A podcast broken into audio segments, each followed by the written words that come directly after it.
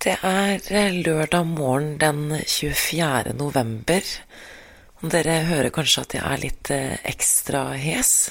Det er jo fordi at det er veldig tidlig på morgenen. For eh, ikke mange timer siden, klokken halv to på natta, fikk vi en melding fra Stian om at riene til Jamina er i gang, og at en liten prinsesse er på vei. Klokken eh, tre på morgenen fikk vi en ny oppdatering på at de ble sendt hjem igjen, og at far har en puls på 950. To be continued, skriver Stian. Så nå venter vi egentlig bare i spenning, og jeg får ikke sove, fordi jeg tenker så fælt på Jamina nå. Ehm, det er så utrolig spennende. Jeg håper bare at hun eh, får nok hvile nå mellom, eh, innimellom slagene så sitter man egentlig bare og venter på ny melding. Stian eh, har jo på forhånd lagd en SMS-gruppe med familie og venner. Og jeg er så utrolig takknemlig for at han eh, sender meldinger jevnt og holder oss eh, oppdaterte. Så får vi bare vente og se. Nå er klokken rundt åtte på morgenen. Vi har fått en ny oppdatering. Jamina har jo hatt rier i flere timer og er nå på plass på føderommet på Ullevål. Eh, Stian skriver at hun er helt eh, rå. Lite søvn, så hun er naturligvis sliten, men etter en epidural skriver han nå at de får en pustepause før siste etappe. Virker som bursdagen kan bli den 24. november, altså dagens dato, skriver Stian her. Nå er jeg så spent. Jeg sovnet eh, litt i sted og drømte selvfølgelig om Jamina og Stian. Jeg drømte at det var livedekning av fødselen til Jamina på radioen. Egentlig ganske glad for at det ikke stemmer. Ny oppdatering fra Ullevål. Klokken er eh, nærmere halv elleve på formiddagen. Og Stian har sendt ny melding. Han skriver at de bare er timer unna. Hun nærmer seg, og han har aldri vært så stolt i hele sitt liv. Um, man blir jo ganske rørt når man leser de meldingene han sender. Det er jo helt fantastisk at han faktisk oppdaterer. Uh, han skriver også at han ikke har bidratt med stort mer enn å gråte og si 'kom an'. Det syns jeg er helt på sin plass. Så nå er det ikke lenge igjen. Jeg kan ikke tro at Jamina snart er mor. Det er eh, overveldende. Så nå er det ikke lenge igjen. Det virker som eh, babyen trives eh, veldig godt, for nå har det gått over 15 timer. Klokken er halv fire på ettermiddagen, fortsatt 24. november. Oppdatering fra eh, Stian. De har passert 15 eh, timer, som sagt, og tredje jordmor. Alt er heldigvis bra med mor og barn, men eh, hun trives jo godt på innsiden, og de prøver jo nå å lokke henne ut. Så det kan, det kan ta litt tid, det her, men det viktigste er jo at det går bra med begge to. Jeg merker Jeg har hatt mobilen klistret fast til hånda i hele dag. Eh, I sted så trodde jeg kanskje at jeg hadde fått melding av Stian, og da løp jeg ut av dusjen. Snart høygravid, masse sjampo i håret. Og så var det melding fra mamma. jeg merker bare at jeg er så spent nå at jeg gleder meg sånn til å få melding om at hun har eh, kommet, men jeg er veldig glad for å høre at Jamina har det bra. Nå er hun endelig her. Jeg fikk eh, nettopp melding. Klokken er eh, seks på kvelden. Og det er en perfekt liten jente som har kommet til verden. Det ble en lang og hard kamp for å få henne ut, men mor og barn har det bra. Det er jo det aller viktigste. Stian har sendt uh, bilde. Hun er helt nydelig. Hun har masse mørkt hår. Og jeg syns hun faktisk ligner på Jamina. Jeg kan ikke tro at hun uh, er her. Og jeg kan ikke tro at Jamina er mamma. Jeg gleder meg sånn til å treffe babyen og se Jamina og høre hvordan de har det. Jeg, ja. Egentlig, jeg har egentlig ikke så veldig mange ord akkurat nå, men eh, veldig glad på deres vegne. Tenk at de er eh, en liten familie.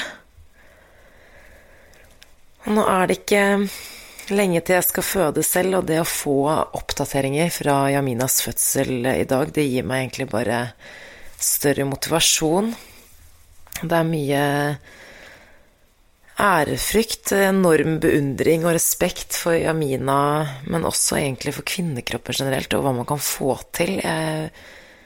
Det er så stort.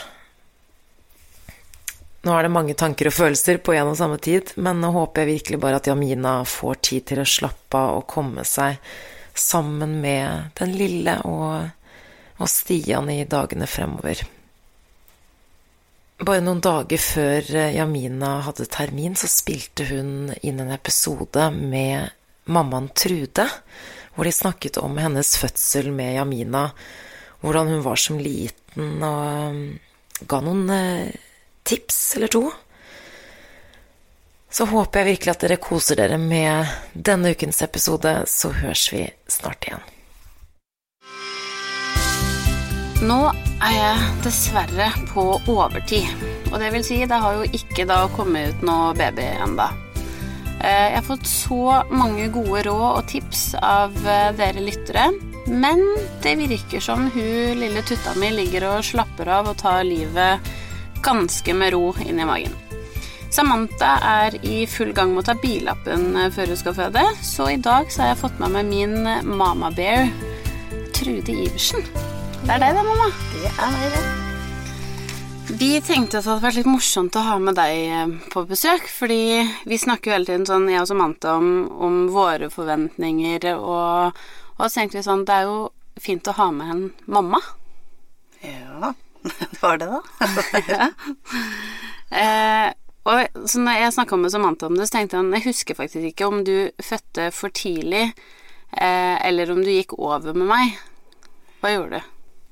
Jeg må skuffe deg. Jeg kom ni dager før tida. Eh, du var eh, Lucia-babyen min, du. Men eh, du panka på døra ni dager tidligere, så da ble det ikke noe overtid, da? Nei. Jeg trodde det her skulle være arvelig. Da må jeg skuffe deg. nå, det vil si at både du og søsteren fødte for tidlig, og nå er jeg på overtid. Det er dårlig gjort. Det er dårlig gjort. Men hadde, når, nå trengte jo ikke du da å gjøre noen triks, men har du hørt noen triks som, eh, som jeg kan bruke for å få poppa den ungen ut? Jeg tror ikke jeg har noen uh, nye triks. Eh, det var vel akkurat eh, sånn før, selv om det sikkert føles som 100 år siden for deg, så var det vel akkurat de samme triksa da som det er nå. Og jeg fikk til mitt tips fra min bestemor. Hva var det, altså da? din oldemor. Og da sa jeg at hun skulle spise tungt måltid, ja. og så skulle hun leke i sengehalmen. Men det betyr vel akkurat det samme i dag som du gjorde for henne i den tida. Og hun var aldri verken stygg eller frekk i munnen, så det var passe innpakka. Så sex er tingen uansett? Ja, hun sa det vel ikke akkurat sånn, men uh, Hopp i sengehalmen. Hopp i sengehalmen. men mamma, kan ikke du bare fortelle litt um, om å si, din uh, fødselshistorie? Jeg er jo så spent på hvordan min blir, så jeg lurer på om hvis du forteller din, så kan jeg liksom se tilbake på og tenke sånn Sånn ble ikke min. Eller Oi, min var litt lik uh, sånn din var. Ja. Uh, I og med at det var litt før tida, da, så jeg hadde pakka bagen min litt før enn det du kanskje har pakka bagen din. Jeg var nok litt mer forberedt. Mm, smart. ja, nei, ja, jeg vet ikke det, men i hvert fall så var jeg klar til å ta imot deg. Og uh, Var jeg planlagt? Du var veldig planlagt. Okay. Vi var faktisk gift i fire år, vi, før du uh, meldte din ankomst. Mm. Så du var uh, veldig venta. Men vannet gikk hos meg. Ja. Og da Jeg vet ikke om det er sånn nå, men da var det i hvert fall sånn at eh, jeg ringte i hvert fall rett til sykehuset og fikk beskjed om å legge meg rett ned. Jeg skulle ikke gjøre noen ting. Og skulle ambulansen komme og hente. Så jeg lå nå der på sofaen og på et svært håndkle. Og ble henta og syntes at det var litt i overkant, for jeg ikke hadde vondt eller noen ting. Men da var hun veldig opptatt av at navlestrengen ikke skulle ligge foran i tilfelle hodet ikke var festa. Så det var de veldig opptatt av, da. Eh, Og vi havna i hvert fall på sykehuset, og jeg tror det var sånn i ellevetida på kvelden At du kom på sykehuset? som vi reiste på sykehuset. Ja. Var det Oslo eller Lillehammer? Da bodde vi på Birja, så det var på Lillehammer sykehus. Eh, og i og med at jeg ble henta i sjukebil, så Og det er noe som du ikke veit, men jeg var òg veldig opptatt av at mammaen min Mm. skulle være med. så eh, pappaen din, han reiste seg og henta mor, som det dere sier. Mm. Mhm. Så mamma hun var med og satt på utafor på fødestua. Nei, det visste jeg ikke. Det visste du ikke, vet du. Så jeg var òg en sånn ordentlig mammajente. I hvert fall så kom vi inn, og alle var veldig, veldig snille. Husker jeg, jeg syns alle var så milde. Og jeg hadde mye rier og mye maserier. Og så jeg, var det veldig opptatt av at skulle få i deg litt søtt, så jeg skulle fikk saft. For at rien skulle holde seg oppe av ungen. For at da fikk hun sukker. Eh, og så var jo riene kjempevonde etter hvert, og da fikk jeg epidural. Hvor lang tid hadde det gått da? Fra 11 til du fikk Det gikk ikke så veldig lenge. To, kanskje. Mm. Ja, kanskje sånn på to på natta. Og da fikk jeg epidural, og det var noe jeg hadde hørt om og grudd meg veldig til, for det var Hørte jeg hadde vært veldig, veldig vondt. Det ser helt jævlig ut. Det som var det verste, var å skyte rygg. Det kan du jo prøve med når det ligger i magen. For da skal jeg mellom noen ryggvirvler når de setter dette her. Gikk kjempefint. Det er da en uh, anestesilege som kommer og setter dette her, som gjør det hele tida. Så det gikk kjempefint. Mm. Og da ble jo da uh, bedøvd fra liv og ned, så da sovna jeg. Så da fortalte de at jeg, da har du jo det båndet rundt magen som måler hjerteslaget at du bare, Sovna du? Da sovna jeg. Ja.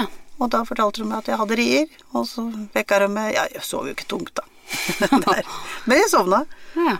Og så snakka de til meg og sa at ja, nå, nå begynner du snart med presterier. Og så ja, hadde jeg noe. Det eneste var at du lå litt høyt oppe. Og fordi jeg hadde epidural, så fikk jeg ikke hjelpa til godt nok. Så jeg hadde en som sto og pressa øverst på magen for å få ungen ned. Og så sto det noen, noen folk i andre enda som skulle ta imot dette vesenet som kom ut. Så, um, så det, det var ubehagelig. Det var vondt. Det var vondt å puste. Men, eh, men det var jeg, jeg, husker liksom ikke at dette her var noe så forferdelige greier. Det, jeg kan liksom ikke huske det. Det er ikke noe traumatisk fødsel på noe vis. Måtte du, måtte du ha sånn klister, eller hva det Nei, klister. Ja. Nei. Jeg hadde Ikke? ikke, noe sånt Så du bæsja ikke på deg når ja. du fikk epiduralen? Nei, ikke i det hele tatt. Det er i hvert fall ingen som sa noe. da var jeg for så vidt lamma fra livet og ned, da. Så det var. Men det var i hvert fall eh, ingen vond opplevelse i det hele tatt. Mm. Så kom jeg ut, Så kom du ut. Hva, men ble ikke jeg tatt med tang? Jo, det er òg helt riktig. Vi måtte ha Vi måtte ha tang. Du satt litt sikkert fast, da. Så de brukte tang. Så Mm. du hadde to åpne sår på kinna da du kom ut. Mm. Det syns så synd på deg. For du var jo gyllen og fin når du kom, og, så hadde du to sår på kinna for dette tang hadde tatt tak.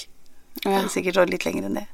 Eller li, litt over kinna, da, men nå hadde nok vært borte med tanga. Derfor har jeg fått så fine sånn kinnbein. Det er nok derfor du har så fine kinnbein, skjønner du. Du ble klemt på plass. Yes. Men hvordan, når jeg da først kom ut For det der er jo noe jeg tenker mye på. For at jeg hører så mye om noen som får den derre eh, morskjærligheten med en gang, og som får sånn Å, herregud, det her er det mest fantastiske i hele verden. Og så er det noen som sier at det tar lengre tid. Eh, og jeg håper jo at jeg får den med en gang, men jeg er nesten litt sånn redd for at jeg kanskje ikke gjør det. Hvor da heller sånn Følte du når du så meg sånn åh, det her er Jamina, den store kjærligheten min. Ja, Så fin og ven og Ja, god og grom. Nei. det var du ikke. Og, jeg er ikke grom. nei, jeg hadde Det som Jeg også er helt enig i dette her, at det er, det er så mye snakk på dette med den morskjærligheten. Og jeg tror veldig mange eh, vil syns ikke at det, det er ikke normalt å føle noe annet enn den store kjærligheten overfor barnet ditt, eller den der voldsomme morskjærligheten skal komme strømmende gjennom hver en fiber i kroppen. Eh, sånn var det ikke for meg. Jeg hadde gleda meg til å bli mamma. Eh, jeg hadde gleda meg til Det var jo en helt annen ting også, som var i forhold til med deg, for vi hadde jo fått beskjed om at vi skulle få en gutt. Ja. Vi skulle ha en, få en stor gutt. Og når du ble født, så sier jordmora og tar ut at Og her fikk vi ei fin lita jente. Så sa hun nei, det er gutt dette her, sa jeg. Nei, det er jente, sa hun. Så jeg ble litt sånn morsk. Så sa jeg at nei da, det er gutt dette så jeg har bare lys og blått og hvit, hvit og gule klær. jeg, sa så det var liksom Ja ja, du tar det du får, sa jeg. Og, og da gikk det opp for meg at jeg hadde fått ei jente. Ja. De men hadde sett uh, hadde sett lille penisen min på ultralyd og Ja, det var uh, Den ble vel klippet av, da, siden du ble tatt på tang. så ble den i hvert fall borte. ja. Eh, Så så da ble det jo en liten Jamina som Ja. kom. Men eh, nei da, jeg fikk deg, og de la deg på magen og alt dette her, så kikka jeg på deg, og så Så kjente jeg ikke den der følelsen. Jeg var bare glad for at fødselen var over, alt hadde gått veldig fint. Jeg var veldig opptatt av om jeg hadde sydd mye. Måtte du si? Nei, Nei. jeg sydde ingenting. Mm. Ikke hadde jeg strekkmerke, ingenting. Jeg var kjempeheldig. Men eh, jeg hadde ikke den derre eh, morsfølelsen som alle snakka om, og, og fikk jo selvfølgelig umiddelbart dårlig samvittighet fordi at jeg ikke hadde det. Mm. Og tenkte at jeg er jo ikke normal som ikke kjenner det. Mm. Ikke sant? Og så tok eh, jordmora tok jo deg med, da. Eh, og skulle stelle og Det så jo langt til til babyen min. Det var jo babyen min, Mm. selvfølgelig. Eh, og eh, så husker jeg jeg la deg på vekta. Og så skulle jeg veie deg, da. Så kikka jeg bortpå og tenkte å gud bedre. Dette var det jeg fikk. Alle hadde fortalt meg hvor kjempepen eller unge jeg skulle få. Jeg som da var gift med marokkaner, og jeg var norsk, og nordisk blond var jeg vel. Det er vel ikke å komme forbi. Mm. Og den miksen der, den skulle være aldeles helt nydelig. Så kikker jeg bort på den vekta, og da ser jeg da svigermora mi i en miniatyrutgave på 3,5 kilo. og det Ikke noe galt om henne, ikke et vondt ord om henne, men jeg hadde ikke lyst til å se svigermora mi på 3,5 kilo. det hadde jeg ikke. Så du syns ikke jeg var den søteste, lille, fineste babyen du hadde sett? Det er skam å si Jamina, men jeg syns helt oppriktig og ærlig da at du var veldig lite pen. Jeg syns Jeg var veldig skuffa, faktisk, for det, du var ikke noe pen. Det var du ikke. Men du har vokst deg pen, da. Å, takk. Ja. Det var snilt. Ja. Men um, etter Når er det du følte at liksom den morsfølelsen begynte Eller sånn den Og som du sier, du følte jo at liksom, det er min baby med en gang, men når kom den derre Den gode følelsen som alle liksom snakker om? Tok det lang tid? Nei, det tok ikke lang tid. Eh, når du begynner å amme, og du sitter med babyen der 24-7, så kommer den sniken av seg sjøl. Den, den, den bare er der, uten at du kan si at eh, Ja, nå har jeg den. Mm. Ikke sant? Eller det er vel kanskje akkurat det du kan si. Nå har jeg den. Fordi at du, du er ikke Du kjenner jo ikke at det kommer. Men altså Det er noe som ligger der. det er noe som ligger der, ikke sant, og etter hvert som babyen Ja, du ammer som sagt, og du steller, og du koser og diller og daller, så, så, så bare er det der. Mm. Så det er Og da vokser jo det til uante høyder, ikke sant. Det er eh, Så da blir det jo helt annerledes. Mm. Så jeg ble veldig fort glad i deg, da. Å, Ja. det var bra. Ja. Men hva, hva skjedde når du liksom kom hjem? Var det Syns du, syns du det var tungt? Eller gikk det liksom helt fint for deg? Jeg føler sånn jeg kan Kanskje jeg har arva noe sånne Jeg håper jeg syns ungene mine er litt finere enn du syns at jeg var. Men ja. Jeg tror at en skal prøve å stole på at eh, det instinktet du har som, mm. som mamma, for det har du Mm. Jeg tror det er det beste våpenet du har, på en måte. Dette å stole på instinktet ditt. Eh, ta ting som det kommer. Jeg tror, ikke det, jeg tror ikke det er noen som har svar på alle Alle barna og babyer. De, er forskjellige. Så jeg tror det at man Han må bare ta én ting om gangen. Mm. Ikke sant? Det er eh, Får du problemer med eh, amming, da, som et eksempel. Ok, så ikke gjør det verre enn å ta en telefon til den ammehjelpa, da, eller helsesøstera. Det er eh, mange, mange hjelpemidler som kan tas i bruk. Det er, og i dag så er det enda mer åpent om alle, alle sånne ting enn eh, det var før. Det Er fødselsdepresjoner, tunge tanker, så tror jeg det er viktig å skjønne det at det, det er nesten like normalt som å ha den store mors, morskjærligheten. Og den kan du òg ha sjøl om du har blir litt deprimert og har tunge dager og sånne ting. Mm. Jeg tror det er viktig å da be om hjelp. Og skjønne at det er like naturlig som andre veien, da. Men hadde, hadde du noe sånn? Hvordan følte du det når du, når du kom hjem? Hva er det, syns du det var Syns du det var tungt? Nei, jeg syns ikke det var tungt, men jeg var øh, Du kan si at du var ganske mye redd, da. Mm. For å si det sånn. Altså at du er usikker. Mm. Du er så redd for å gjøre noe feil. Ikke sant? For det er som første babyen. Hvor gammel var du når du fikk meg? 24. 24. Og jeg tenker, jeg syns jo at jeg er ung nå, og jeg er 30. Ja. Jeg ble faktisk altså 31 om noen dager. Og jeg syns fortsatt at jeg er en ung mamma. Jeg, føler, jeg snakka med Stian om det, jeg føler at det er et barn som får et barn. Og du var 24. Da er Så det på da- tide å bli voksenjenta mi. Men når du da liksom kom hjem, så skjønner, så skjønner jeg ikke at alt gikk helt fint. Eller var du ikke livredd for noen ting? Jeg tenkte sånn, Ringte du mor 24-7? Nei, men eh, det er som jeg sa, at jeg, jeg, jeg har bestandig hatt veldig mye kontakt med mamma. Ikke sant? Det er litt sånn som det jeg har med deg og søsteren din. Mm. Ikke sant? Jeg prata jo med mamma så fort jeg lurte på et eller annet, så ringte jeg jo hjem til mamma. Ikke sant? Og kanskje hadde ikke hun det riktige svaret, men det var bare dette å få lov til å si det, og så sier hun at ah, du er så flink at det, dette går så bra at det. Og da var det kanskje ikke så mye mer som skulle til. Nei.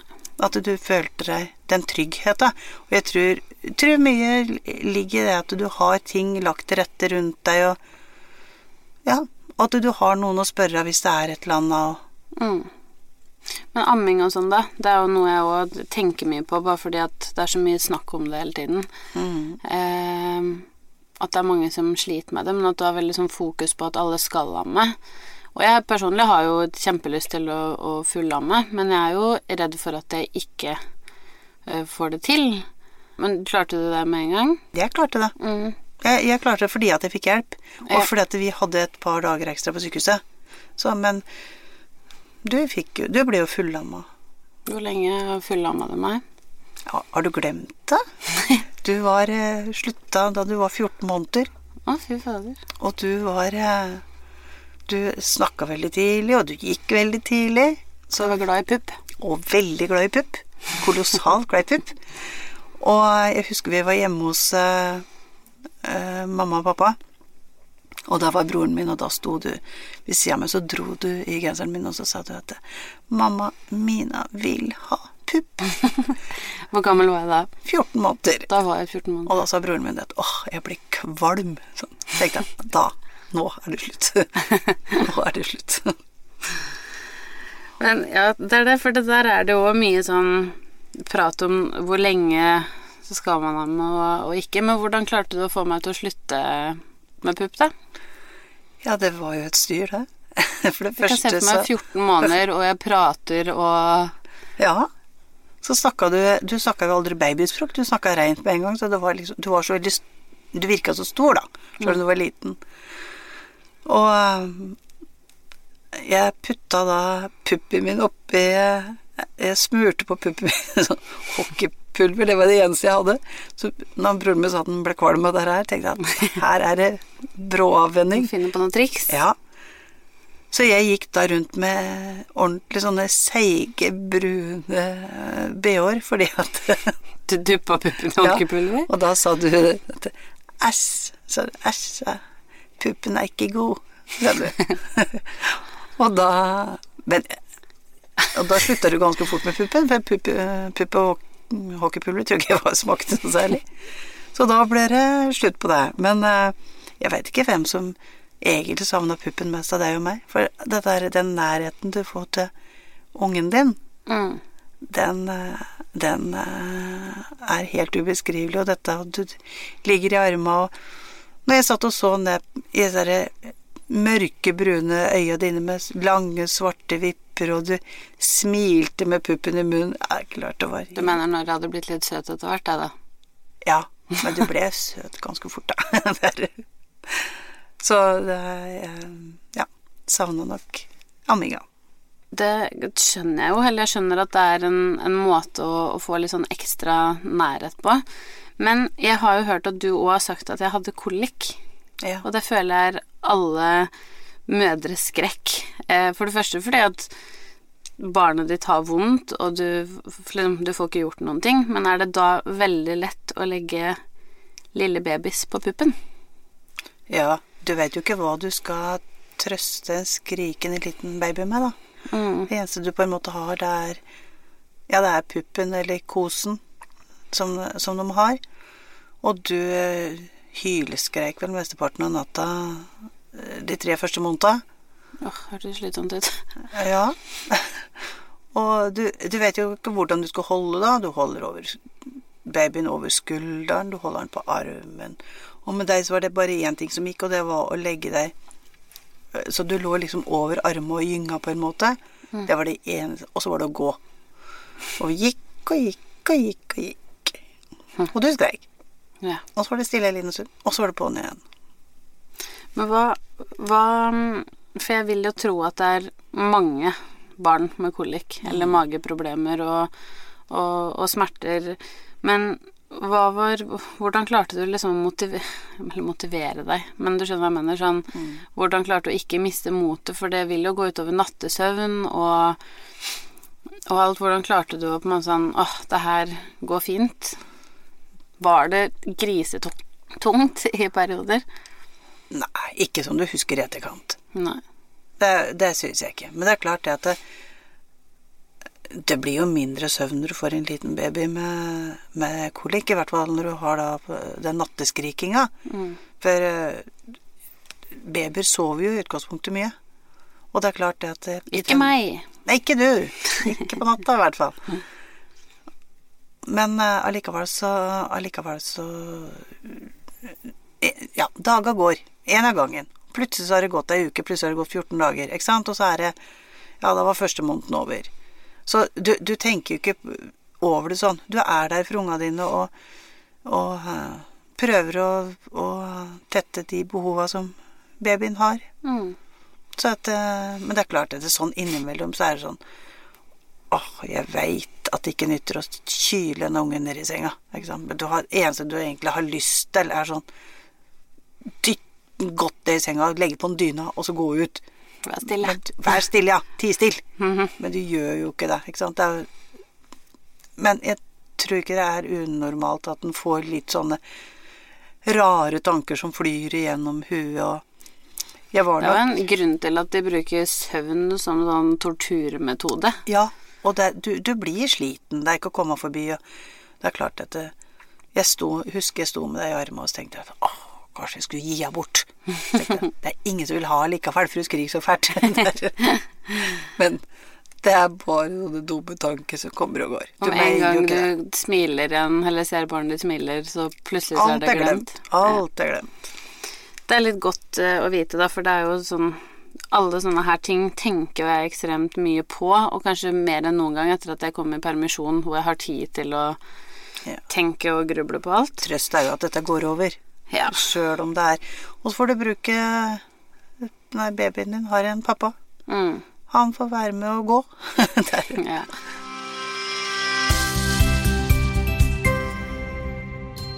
Natusan er annonsør for den podkasten her. Og noe av det som er så bra med Nattusan er tilgjengeligheten.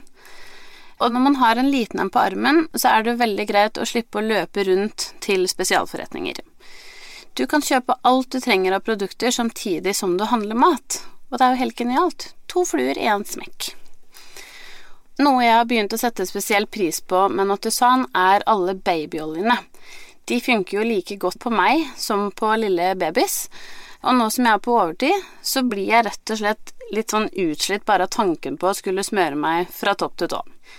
Og da å bare kunne splæsje på litt olje når jeg kommer ut av dusjen, så trekker den inn så fort, og så slipper jeg hele den der smørjobben. Deilig. Tilbake til det med pappaer, mamma. Mm. Eh, hva mener du liksom at pappaer kan hjelpe til med? For at ofte så føler jeg at det er veldig sånn fokus på at eh, Og jeg snakka masse med Stian om det, det er at i starten så er det mamma gjør det meste, da. Men jeg tenker jo at pappa kan hjelpe til med veldig mye. Hva syns du, og hva gjorde du og, og min pappa? Ja, eh, pappaen kan være med på det meste, bortsett fra amminga, han. Mm. Så du kan si dette å ta Å være det som tar babyen først, holdt jeg på å si, når man begynner å skrike i forhold til det med kolikk, da. Dette med nærheten, dette å være til stede. Og er det du som har babyen mesteparten av tida, holdt jeg på å si, så er jo dette å gi deg hjelp og støtte til det du måtte trenge der. Men jeg tror nok dette er, er like en sånn felles greie som dere er nødt til å finne ut av. Og noen vil synes det er lettere enn den andre. Mm. Men hvordan var det for deg med deg og, og min pappa? holdt jeg på å si. Var han Vi var kanskje litt mer tradisjonelle, mm. hvis vi skal si det sånn. Sånn som det er litt mer før. Jeg tror mm. det har forandra seg litt. Men der var det nok jeg som sto opp på natta. Han jobba jo i Oslo. Vi bodde jo da på Biri. Og han eh, pendla. Så det, at, eh, det var helt naturlig at det var jeg som hadde mesteparten av, av jobben i forhold til det å ha en baby i huset. Men, Men han var jo hele tida med og tok sin del, når han hadde muligheten til å gjøre det. Mm. Men var han hjemme da i, i, helger, eller var han hjemme òg på ukedager? Han var hjemme på ukedager, ja. ja. Men det er klart at han var jo helt avhengig av sin søvn for å øh, komme tilbake på jobb. Mm. Kunne klare å fungere i jobben sin. Så du kan si at da ble jo hovedtyngden liggende i forhold til dette her, det ble jo liggende på meg. I og med at det var på natta du var mest våken. Mm. Men han var jo Det hadde vært mye vanskeligere hvis han ikke hadde øh, hatt sin tilstedeværelse eller ga deg den støtten du trengte. Det er mm. mange måter å hjelpe deg på. Ja, ikke sant. Vi har snakka mye om det der, og jeg prøver jo å liksom presse inn i huet på Stian at, uh, at vi må dele. Vi snakka om det senest i går kveld, og sånn Husk at du skal ta halvparten. du må stå opp på natta. Eh, men jeg skjønner jo at så lenge man er i eh, permisjon, så er det naturlig at den som har permisjonen, tar mest av natt, eksempel. Men jeg tenker sånn når du går hele dagen, hele natta, og du har så lite søvn, så er det jo fint å kunne bytte på litt. Ja, og så har jo babyen behov for den nærheten fra pappaen sin. Mm. Så det er eh, Pappaen skal jo bli kjent med dette lille nurket òg. Mm. Og jeg tror nok det at du skaper veldig bånd Mm. Hvis du Ja, hvis du har vondt, sånn som babyen har vondt når han har kolikk, så er det klart at den som trøster, er jo den som kanskje er med og knytter sterke bånd òg. Mm. Ja, helt klart. Det tror jeg òg er um, superviktig. Um, er det én ting jeg lurer på, mamma, før vi runder av? Um, som jeg òg Eller sånn, det høres ut som jeg tenker på alt, men jeg har gjort det de siste ukene i den permisjonen, så føler jeg hodet mitt eh, spinner litt. Uh, føler du at du har forandra deg som person? For det er en ting jeg snakker mye med mine venninner om hele tida, så er det sånn Å ja, nei, men jeg skal fortsatt være med på alt, og jeg vil, jeg vil fortsatt gjøre Jeg vil, skal fortsatt være Jamina, da. Jeg skal ikke bare bli mamma. Men føler du at du liksom forandra deg som person etter at du ble mamma, eller er du liksom fortsatt Trude med en en bonusrolle? Dette, det syns jeg er vanskelig å svare på. For mm. at eh, i og med at ting går helt naturlig, så på forhånd så lager du deg nok en del sånne eh, tanker om ting som Du skal fortsette å trene, du skal fortsette å gjøre sånn, og du skal i hvert fall ikke gi deg med det. Mm. Ikke sant? Masse, masse slike ting. Men så tar dette, denne babyen den tar mye av tida di, og den tida vil du heller ikke være foruten. Og det er ting som blir helt naturlig. Og sånn som For meg så var det øh, Jeg, jeg, jeg forandra meg sikkert øh, en hel del, men jeg tror ikke jeg var den som merka det best. Jeg tror det var dem rundt meg som merka det. Jeg tror ikke jeg var klar over at, eh, at jeg forandra meg så mye. Mm. Men jeg har jo bestandig vært eh, veldig sosial. Det har nok du sikkert arva ifra, ifra meg, vil jeg tro. og eh, for meg så var det ikke noe problem å ta med eh, deg bort på kvelden. Jeg hadde en sånn bærebag som du lå i. Så når vi dro bort på kveldstid, så lå du i den, og du fikk jo pupp, så det var liksom veldig greit.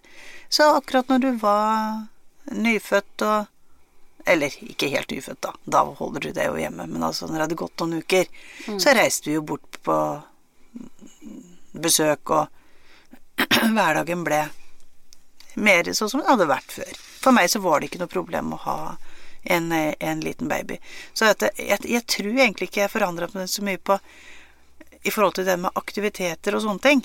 Jeg forandra meg kanskje litt mer med dette at jeg hadde aldri vært noe spesielt Syntes jo alle barn var søte, men jeg var ikke det som var først på huet opp i barnevogn.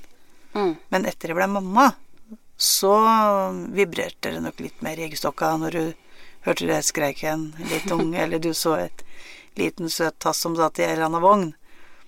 Så det med at du ble mer glad i unger og ja, litt andre interesser får du jo etter hvert.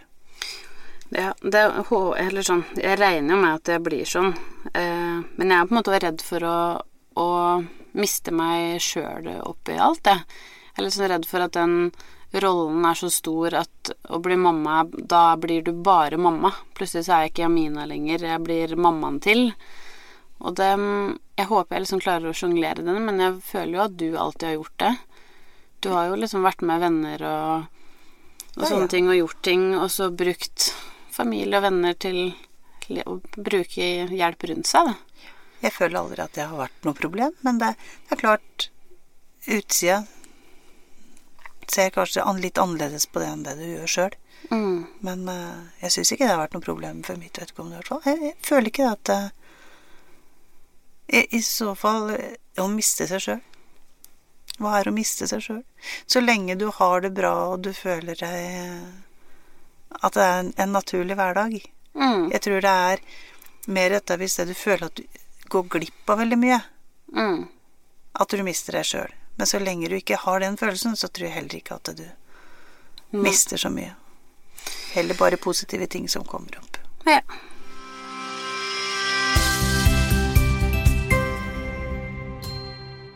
Eir er annonsør for den podkasten her, og Eir er en app for legetime på mobil. Og nå som jeg er på overtid og begynner å bli rimelig sliten og tung, så er det veldig deilig å bare kunne plukke opp telefonen og ta en legetime på mobilen. Jeg trenger faktisk ikke engang å kle på meg, jeg kan bare sitte i morgenkåpa i sofaen, og det er jeg litt eh, glad i om dagen. Men når jeg da snakka med eh, lege-Mathias, så ble jeg jo eh, litt flau.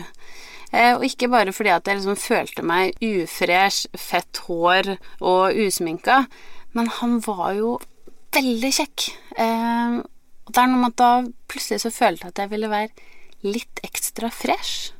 Litt ekstra liksom jåla meg opp litt før den der legetimen her. Eh, Men heldigvis så ga han uttrykk for at han hadde sett mye rart. Har du noe sånn generelt noen gode tips fra en mamma til meg eh, og til Samantha som Samantha har jo en to måneder, og jeg har en ingenting. Det kan det skje når som helst. Jeg håpet det skulle skje i går. Ehm, er det noen sånn tips som du tenker sånn Ikke bruk energi på det, eller gjør det. Og det blir jo bare et, din mening og ditt råd, men som kan være litt sånn fint for meg og Samantha å ta med seg videre. Nå burde jeg vel kanskje ta du som er veslejenta mi da først, men da tar jeg Samantha først. Gjør det. Stakkars Samantha som gruer seg. Ikke se på fødeavdelingen, Samantha. Det er på en måte så hyggelig, helt til du står ute liksom en korridor, og så hører du hyler inne på et rom. Det er Samantha ser mye på fødeavdelingen. Ja. Det skal bare sies. Ikke se på fødeavdelingen. Det er eh, I hvert fall ikke hør på alle disse redselshistoriene. Det er nest det, De aller fleste ganger går dette her veldig, veldig, veldig bra. Så eh, De aller fleste tror jeg har fine minner fra fødsel, sjøl om du gruer deg på forhånd. Så tror jeg det går eh, helt fint.